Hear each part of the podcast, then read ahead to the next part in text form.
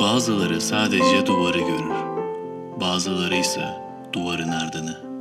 Psikiyatri ve duvarın ardı başlıyor. Merhaba herkese, Cengiz ben. Yeni bir podcast kaydıyla karşınızdayım. Bu bölümü İzmir depreminden sonra kaydediyorum. Depremin olduğu gün aslında bir önceki bölüm yayına girmişti ama onu önceden kaydetmiştim. O yüzden bir müdahalem olmadı. Deprem günü kaydetmedim. Ama o kayıt yayına girdikten sonra kayıtla da ilgili ben de düşündüm. Kaydı da dinleyince tekrar bu deprem olayıyla beraber bir dinledim. Çünkü konunun onunla ilintili olduğunu biliyordum bir yerden. Ve bir daha o kulakla dinlemek istedim. Yani hep orada diyordum işte eylemlerimiz tercihlerimizi ne kadar yansıtır? Söylemlerimiz eylemlerimizi, eylemlerimiz tercihlerimizi. Bütün bunlar yani kendi içinde bir ilişki yumağı elbette. Nasıl ilişkileri var bunların? Benim zaten söyleyiş şeklimden söylemlerin tercihlerimizi tam yansıtmadığını anlamışsınızdır. Yani bu benim kişisel görüşüm de olabilir. Birçok insan için de bunun böyle olduğunu söylemek mümkün. Söylediğimiz zaman her zaman ideal olanı ya da işte olması gerekeni söylüyoruz işte yani söylediğimiz zaman ne olması gerekiyorsa onu o şekilde dile getiriyoruz. Yani insanlara hani duymak istedikleri şeyleri söyleriz ya bazen.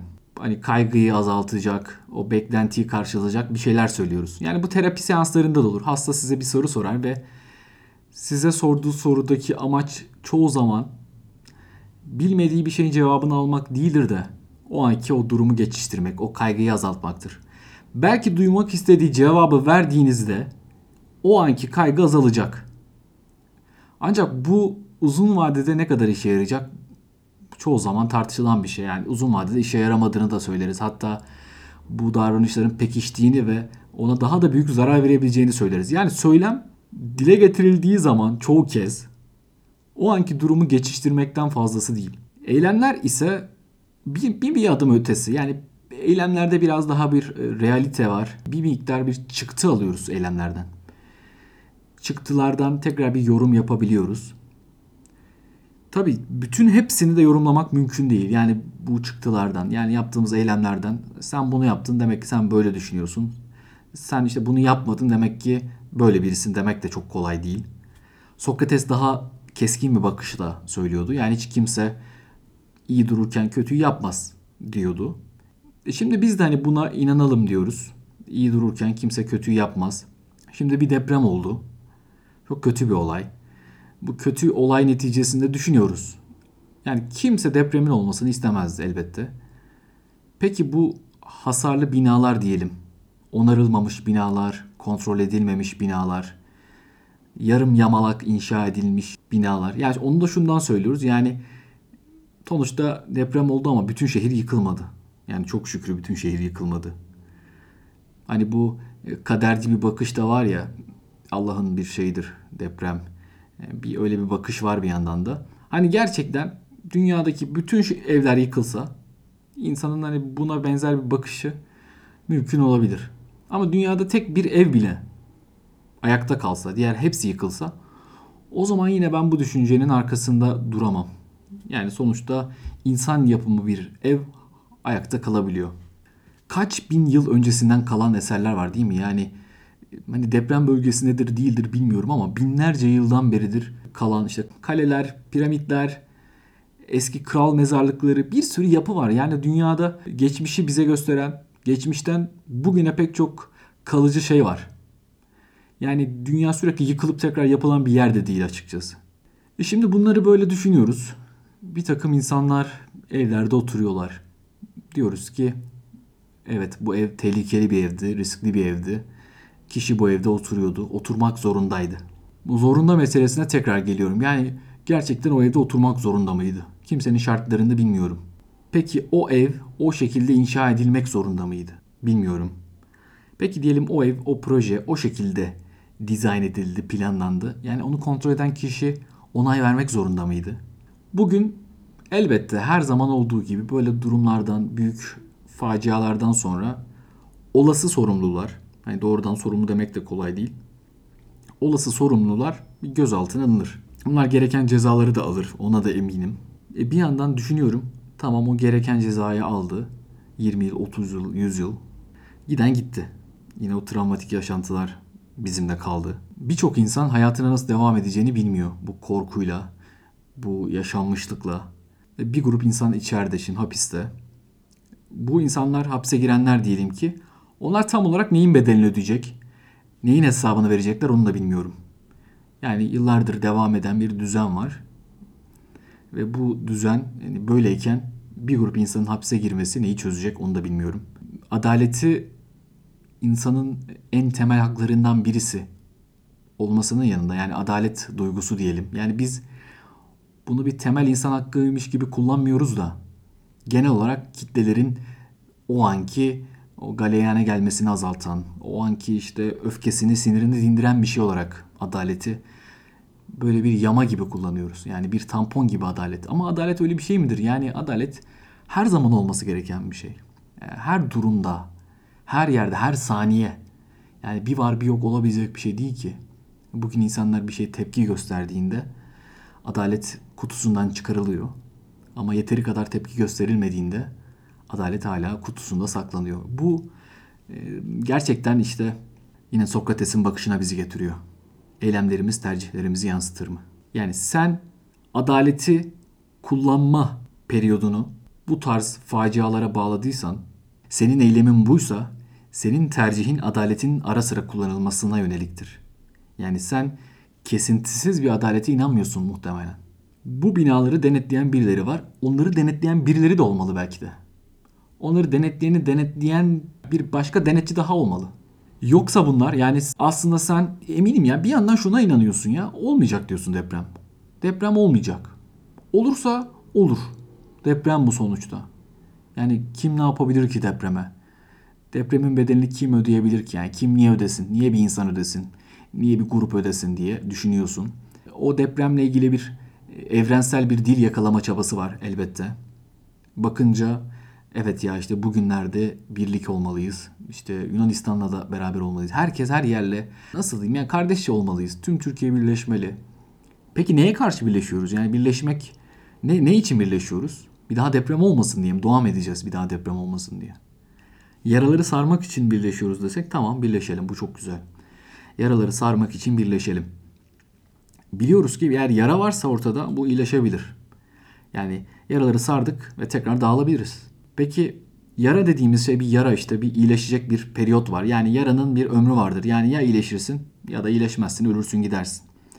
İyileştiysen bunun bir periyodu vardır. Yani kimse ömür boyu bir yara bandını takmaz. Ama biz ömür boyu yapmamız gereken bazı şeyleri yaparız. Ne yaparız? Ömür boyu su içeriz. Ömür boyu yemek yeriz. Çünkü bu acıktığımızda yaptığımız bir şey olsa da biliriz ki sürekli acıkırız. İnsan sürekli acıkır. İnsan sürekli yaralanmaz ama. Yani biz yaralanmayı da yemek yemek kadar, su içmek kadar kanıksamış durumdayız. Sadece belli zamanlarda nadiren olması gereken bir şey. Bizim sürekli başımıza gelen bir şey. Biz sürekli yara bandı cebinde gezen bir insanlık, bir topluluk garip bir şey olduk. Çok nadiren olabilecek bir şeyler. Yani hani çok ekstrem bir durumda olabilecek pek çok şey bizim sıradan hayatımızın bir parçası. Bir şey de bu kadar sıradanlaştıysa insanın bunun münferit bir şey olduğunu düşünmesi çok akla yatkın bir şey değil. Yani bir kere oldu tamam. Yani iki yani hadi ama 3, 4, 100, 1000, 10 bin e nasıl olacak yani? Biz bir yerde hani hata yapıyoruz. Bu kesin. Yani e, hata yaptığımızı söylemek ne kadar ürkütücü. Yani bir hatayı düşünmek yani hatadan bir e, hicap duymak, utanç duymak, üzülmek, bir hatanın bir bedelini ödemek ne kadar acı bir şey değil mi? Yani o kadar hani bunu yapmıyoruz ki. Çok nadiren yani bir hata yaptığımızda önce niye bu hatayı yaptığımızı şey yapıyoruz. Yani işte şundan oldu, bundan oldu, böyle oldu. Ya tamam ya gerçekten bir hata yaptım diyebilmek lazım. Ya ara sıra insanın bir şey göstermesi lazım ya. Karşıdakine incindiği zaman ya evet bu benim elimde olmadan oldu. Ama bu yine de benim hatamdı. Ve ben bunun bedelini ödemeye hazırım demesi lazım. Bunu demesi lazım elbette. İşte bu yine bir söylem. Söylemek de yetmez. Bunu eyleme dökmek lazım. Eyleme döküp o çıktıları bize göstermen lazım. Her kimsen bu durumla ilgili bizlere bunu göstermen lazım. Hani bir önceki bölümde ya Sokrates çok mu böyle iddialı, çok mu baskılı konuşmuş diye düşünüyordum. Tam da bu üstüne bu olaylar olunca yani dedim ki Sokrates hani az az söylemiş herhalde. Yani onun o iddialı çarpıcı açıklamaları gerçekten e, insanın hani bir tarafına yatmıyordu aklının ama düşününce de ya az bile söylemiş diyorsun. Hani tamam şimdi bir diğer filozoflardan da bakayım. Hani onların gözüyle de bakmaya çalışayım. Ama şunu bir tekrar kafamıza koyalım. Yani biz bir şeyleri tercih ettiğimizde bu onu isteyip istemediğimizi gösterir mi bilmiyorum. Yani e, ama şunun tekrar bir altını çizelim. Yani biz bir şeyi eyleme döktüğümüzde bu bizim gerçekten tercihimiz midir? Bir şey söylediğimizde zaten inanmıyorum tercih olduğuna. Hele bu olaylardan sonra hiç inanmıyorum. Ama biz istemediğimiz şeyleri yapar mıyız ya da istediğimiz halde bazı şeyleri yapamaz mıyız? Bunun üzerine bir konuşalım. Ve bugünün penceresinden istemediğimiz bir şey yapmanın bir bahanesi ya da durumun neticesinde ortaya çıkan bu kaygıyla baş etmenin bir yolu var mı buna bir bakalım. Şimdi olaya farklı bir şekilde bakmak için de Sokrates'in o dayandığı zihnin temel resmini bir sorgulayalım. Sokrates zihni bir bütün olarak düşünüyor. Bir tek bir parça, yekpare olarak düşünüyor. Fakat o zihnin o yekpare görüşü Sokrates'in görüşü bir yandan da. Sokrates'in o bağımlılıkla ilgili görüşüne götürüyor bizi. Yani Sokrates zihnimin en çok istediği şey benim herhalde seçtiğim şeydir diye düşünüyor. Ve e, bazen gerçekten de haklı olduğunu düşünmeye başladım. Peki o halde bu Sokratik görüşten kaçmanın bir anahtarı var mıdır? Nedir o? Zihnin farklı kısımları olduğunu ve zihnimin bazı kısımlarının diğerlerinden daha çok ben olduğuna ikna olursam o zaman bu görüşten biraz kaçabilirim. Platon'dan biraz daha bakalım. Platon'a göre bu akrazya dediğim şey en iyi yargıya karşı karşıt eylemde bulunmak. Kabaca böyle söyleyebiliriz. Bunun üzerinden bir düşünelim. Diyelim ki X'in Y'den daha iyi olduğunu biliyoruz. Hem fiziksel olarak hem de psikolojik anlamda X'i yapma imkanımız olduğu halde X'i yapmıyoruz, Y'yi yapıyoruz. O zaman bunun iki tane sebebi olabilir. Ya kafamızda bir yerde aslında X'in Y'den çok da iyi olmadığını düşünüyoruzdur. Ama insanların genel kanısıdır X'in Y'den daha iyi olduğu. Ya da X'i yapma olanağımız yoktur. Yani bazen X ve Y arasında bir tercih yapıyorken en iyisi olduğu için değil ama o an için yapabileceğimizin en iyisi olduğu için X'i yapıyoruzdur. Hani Platon daha biraz esnek bakıyor, daha durum ve anlar için bakıyor. Yani o anın içinden bakıyor. Çünkü herkesin fiziksel ve psikolojik olanakları çevresinde yapması gerektiği şeyleri yaptığını savunuyor. Kabaca böyle söylüyor. Çünkü o benliğin tek bir üniter parçadan oluşmadığını düşünüyor. Yani onun bölünmüş bir zihin görüşü var. Hatta bu Freud'un görüşünü de belki besleyen şey süperego, ego, id. O da işte bilinç, bilinç dışı gibi birden fazla hem topografik hem e, horizontal bir sınıflandırmaya gidiyor. Zihni parçalayarak anlatmaya çalışıyor. Aslında Platoncu görüşün bir devamı diyebiliriz. Ve yine Daniel Kahneman'ın bu zihinle de ilgili bir görüşü var. Nobel ödüllü bir bilim insanı. Zihni hızlı, sezgisel ve bilinçsiz olarak yargılamalar yapan bir parçaya bölen sistem 1 ve daha yavaş, rasyonel ve bilinçli düşünen bir kısım olarak sistem 2 olarak ikiye ayırıyor. Böyle ayrımlarla zihne bakmak biraz daha bize esneklik sağlayabiliyor. Yani bir takım sinyaller var. Dopaminle belki de iletilen nörotransmitterler aracılığıyla. Bunlar özellikle yiyecek, seks, uyuşturucu gibi çok daha güçlü istekler duymamızı sağlayan ve isteme sistemimizi harekete geçiren sistemler. Ve bunlar bazen davranışlarımız üzerine çok güçlü bir kontrole sahip. Ve bizim davranışlarımız bunların isteklerinin uzun vadeli sonuçlarına karşı biraz daha duyarsız. O yüzden yani Platoncu görüşten baktığımızda bağımlılık bazen en iyi olanı değil de o an için iyi olanın bir tercihi gibi. Ve bu bağımlılıkla ilgili uyaranların çok güçlü olması bazen bizi ne yazık ki ona doğru itiyor. Ve bu diğer araştırmacıların söylediği gibi istek sistemimizi ele geçiriyor. Yani bunu ele geçirebilecek bir potansiyele sahip bir geçiriyor. Tıpkı bir önceki podcast'te bahsettiğim o eroin bağımlısı babanın çocuklarını okuldan almak yerine eroin kullanmayı tercih etmesi gibi. Bazen o eroinin istek sistemin harekete geçirmesi, o arzu, o an o kafayı bulma isteği pek çok şeyden daha güçlü geliyor.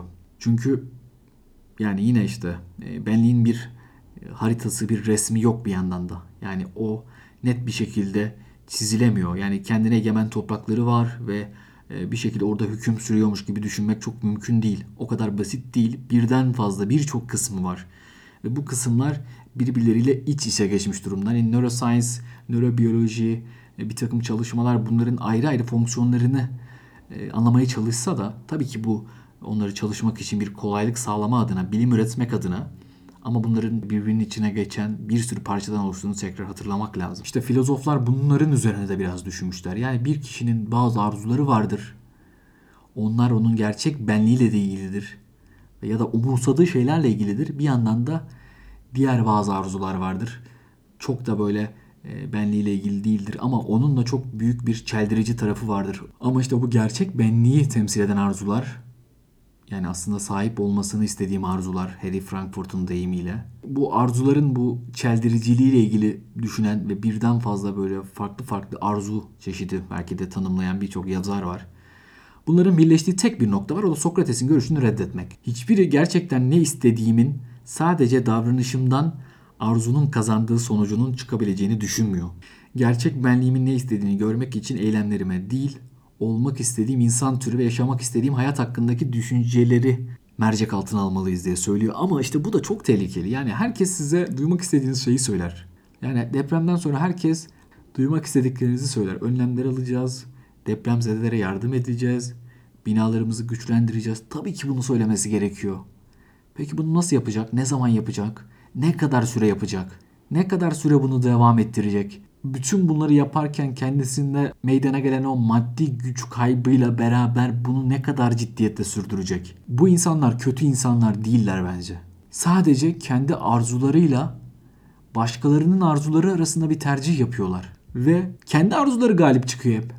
Sonuçta bu insanlar evliya da değil, peygamber de değil.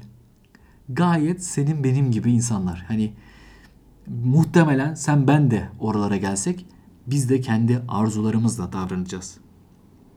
O yüzden kimseye böyle üst pencereden konuşmuyorum. Kimseye böyle doğrudan bir sistemim yok. Sadece bu romantik söylemleri dinlerken aklıma bunlar geliyor.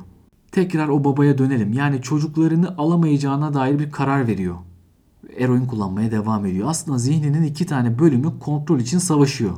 Bir tarafı çok fazla eroin kullanmak istiyor eroin bağımlarının ifade ettiklerine göre yani dünyada ondan daha büyük bir zevk yok. Yani kimse denemesin hani bu cümlemin üstüne. Çünkü o zevk gerçekten işte insanı ölüme götüren bir zevk. E bir taraftan da çocuklarını önemseyen bir bölüm var babanın. O gerçek benliğiyle belki uyumlu. Baba bu iki çatışmanın arasında bir kalıyor böyle bekliyor ama baba aslında sadece bir seyirci de değil. Çünkü o bu çatışmaların bir katılımcısı. Yani baba aslında çocuklarını önemseyen tarafta kavga ediyor. Yine Sokratik görüşle söylediğimiz o aşermeyi azaltan ilaçların uzun vadede zarar verebileceğini düşünüyordu. Yani Sokrates'in görüşünden bu yorumları yapıyorduk. Hani Sokrates ne madde bilir ne bir şey. Buradaki görüş ise yani bu bağımlı insanlar sağlıklı kararlar veremiyorlar. Zihinleri o kadar berrak değil ve bu çatışmalarda zorlanıyorlar bir taraf tutmakta. Elbette çocuklarına bakmak istiyorlar ama karşı taraftaki düşman çok güçlü. O zaman biz bu insanlara destek olabiliriz. Yani bir takım ilaçlar verebildiğimizde bu çatışmada onlara bir müttefik sağlamış oluruz. Ve babanın o zihninde çocukları önemseyen parçayı güçlendirmeye belki çalışırız. Ya da diğer tarafı zayıflatırız. Onun o cazip gelen taraflarını belki zayıflatırız. Tüm bunlar bir yana babaya sorsaydık neyi yapıp yapmak istemediğini baba tabii ki de çocukların alması gerektiğini söyleyecekti. Ama dediğim gibi yani bu sadece bir söylem. Tabi Sokrates hani bunun böyle olduğuna pek inanmıyor. Ama Sokrates'in de fark edemediği bir olasılık var belki de. Hani bir ihtimal olsa şu var. Birey bir şeyi en iyi olarak düşünebilir ve yine de başka bir şey yapabilir. Hepimiz deprem çantası hazırlamamız gerektiğini düşünürüz, söyleriz. Ama kaçımızın evinde deprem çantası vardır bilmiyorum. Yani benim yok en azından. Dolaplar sabitlenmelidir, televizyonlar sabitlenmelidir. Bir takım e, depreme dair önlemler alınmalıdır. Bunu biliriz, bunu söyleriz. Ama eyleme geçtiğimiz zaman kaçımız bunu yaparız. Yani bu bizim ölmek istediğimizi göstermez elbette. Ama zihnimizde bir takım güçler savaşıyordur ve biz sonuçta tam bir seyirci de değiliz aslında bunların bir katılımcısıyız. Bazen iki taraf kavga etsin ve ben kim kazanırsa onun yapmak istediğini yapayım diye düşünüyoruz ama öyle değil aslında. Biz bu çatışmanın tam ortasındayız. Bir katılımcıyız aslında. Ama öyle bir an geliyor ki sanki sürekli bir seçim yapmak zorundayız. Sürekli bir seçim. İyi ve kötü. İyi ve daha az iyi. iyi ve daha iyi. Kötü ve daha kötü. Kötü ve daha az kötü. Peki tüm bu tercihlerin arasından biz neyi seçebiliriz? Seçtiğimiz şeyi nasıl seçtiğimizi gösteririz. Yani bu seçtiğimiz şeyin gerçekten o olduğunu nasıl kendimize gösterebiliriz? Nasıl bunu ispatlayabiliriz? Burada elbette bir zihin yani zihnin o tekrar parçalanmışlığına geri dönelim. Platon işte tam da burada ruhu bir savaş arabası gibi düşünüyor. Öyle tasvir ediyor. Yani bir araba düşünün, bir savaş arabası düşünün. Bu arabacı ya da ak- aklımız diyelim. Arabayı erdem yolunda sürmeye çalışıyor. Tamamen erdemin oraya gitmeye, peşine gitmeye çalışıyor. En iyi yap, en iyisini yapmaya çalışıyor. Ama bir de bir at var, inatçı, sağır, anlamıyor. Bir anda dört nala çıkabiliyor, kontrolden çıkabiliyor. Hani Freud'un it dediği yer belki de burası. Tam da burada işte Platon bizim durumumuzda savaş arabası kullanmak gibidir. Kaçınılmaz bir şekilde acı verici derecede zor bir iştir diyor. Ve işte tam da burada bütün bunları ciddiye alırsak yani zihnimizin ulaşmak istediği bir takım arzular var ya da bir takım zoraki işlerden, can sıkıcı işlerden kaçmaya çalışıyor zihnimiz. Ama biz ona sahip olup onu gerçekten o erdem yolunda, gerçekten yapmamız gerekenler yolunda, iyilik yolunda, fayda etme yolunda sürmeye çalışmalıyız. Aksi halde yoldan çıkmaya çok müsait bir at var aslında. Ve yoldan çıktığında geri dönüşü olmuyor. Savaşları kaybediyoruz. Ölüyoruz. Yakınlarımız ölüyor. Evlerimiz yıkılıyor. Tüm bu olumsuz sonuçlardan sonra aslında zihnimiz durumların belki de başka türlü tahlil etmesine izin veriyor, olanak veriyor. Ama bu ne kadar kalıcı bir aydınlanma emin değilim. Başımıza bir iş geliyor ve diyoruz ki herhalde yıldırım aynı yere bir daha düşmez. Gerçekten herhalde böyle düşünüyoruz. Bunun bize verilen bir mesaj olduğunu düşünmüyoruz da biz sıramızı savdık. Bundan sonrakiler kendine baksın diye düşünüyoruz. Aslında belki de bize sıranın geldiğinin nazikçe bir uyarısı tüm bu yaşadıklarımız. Hani belki de çok çok daha büyük bir felaket olabilecekken bu şekilde biraz daha az hasarla bu işten sıyrılmaya çalıştık. Ama dediğim gibi insanlar öldü. E, genç yaşta, ileri yaşta, orta yaşta, evli, bekar, çocuk, çocuk, bebek, kedi, kuş, bitki, kitaplar öldü. Bir daha hiç belki okunmayacak kitaplar fosforlanmış, altları çizilmiş. Bir daha okurum. Ya şurası güzel bir yerdi dediğiniz bir yer artık yok belki de. Anılar öldü. Bazı anılar başka zihinlerde öldü. Bize dair anılar başka insanlarla öldü. Aslında bize dair anılar başka insanlarla beraber gidince bir miktar biz de ölüyoruz. Çünkü aslında hepimiz bir başkasının zihninde de bir varlığa sahiptik ve o bir başkası olmayınca artık biz de yokuz. Bütün hepimiz yani her birimiz bir başkasının zihnindeki yerlerde bir imgeyiz. Bütün o algıların sonucunda hepimize dair bir imge var. Aslında hepimiz bir insan imgesiyiz. Bir insan öldüğü zaman onun zihnindeki insan imgesi de ölüyor ve aslında insana dair, insanı oluşturan her bir birey ölmüş oluyor. Ve yine insana dair insanı oluşturan bir başka bireyin ihmali sonucunda ve aslında hepimizin ihmali sonucunda. Buraya kadar dinleyen herkese çok teşekkür ederim. Ölenlere Allah'tan rahmet diliyorum. Kalanlara başsağlığı, kolaylıklar. Hepimize umarım ders olmuştur. Bir başkasının acısından ders çıkarmak çok büyük bir aciziyet belki. Ama bunu birilerinin bir şekilde söylemesi gerekiyor. Kendinize iyi bakın, hoşçakalın.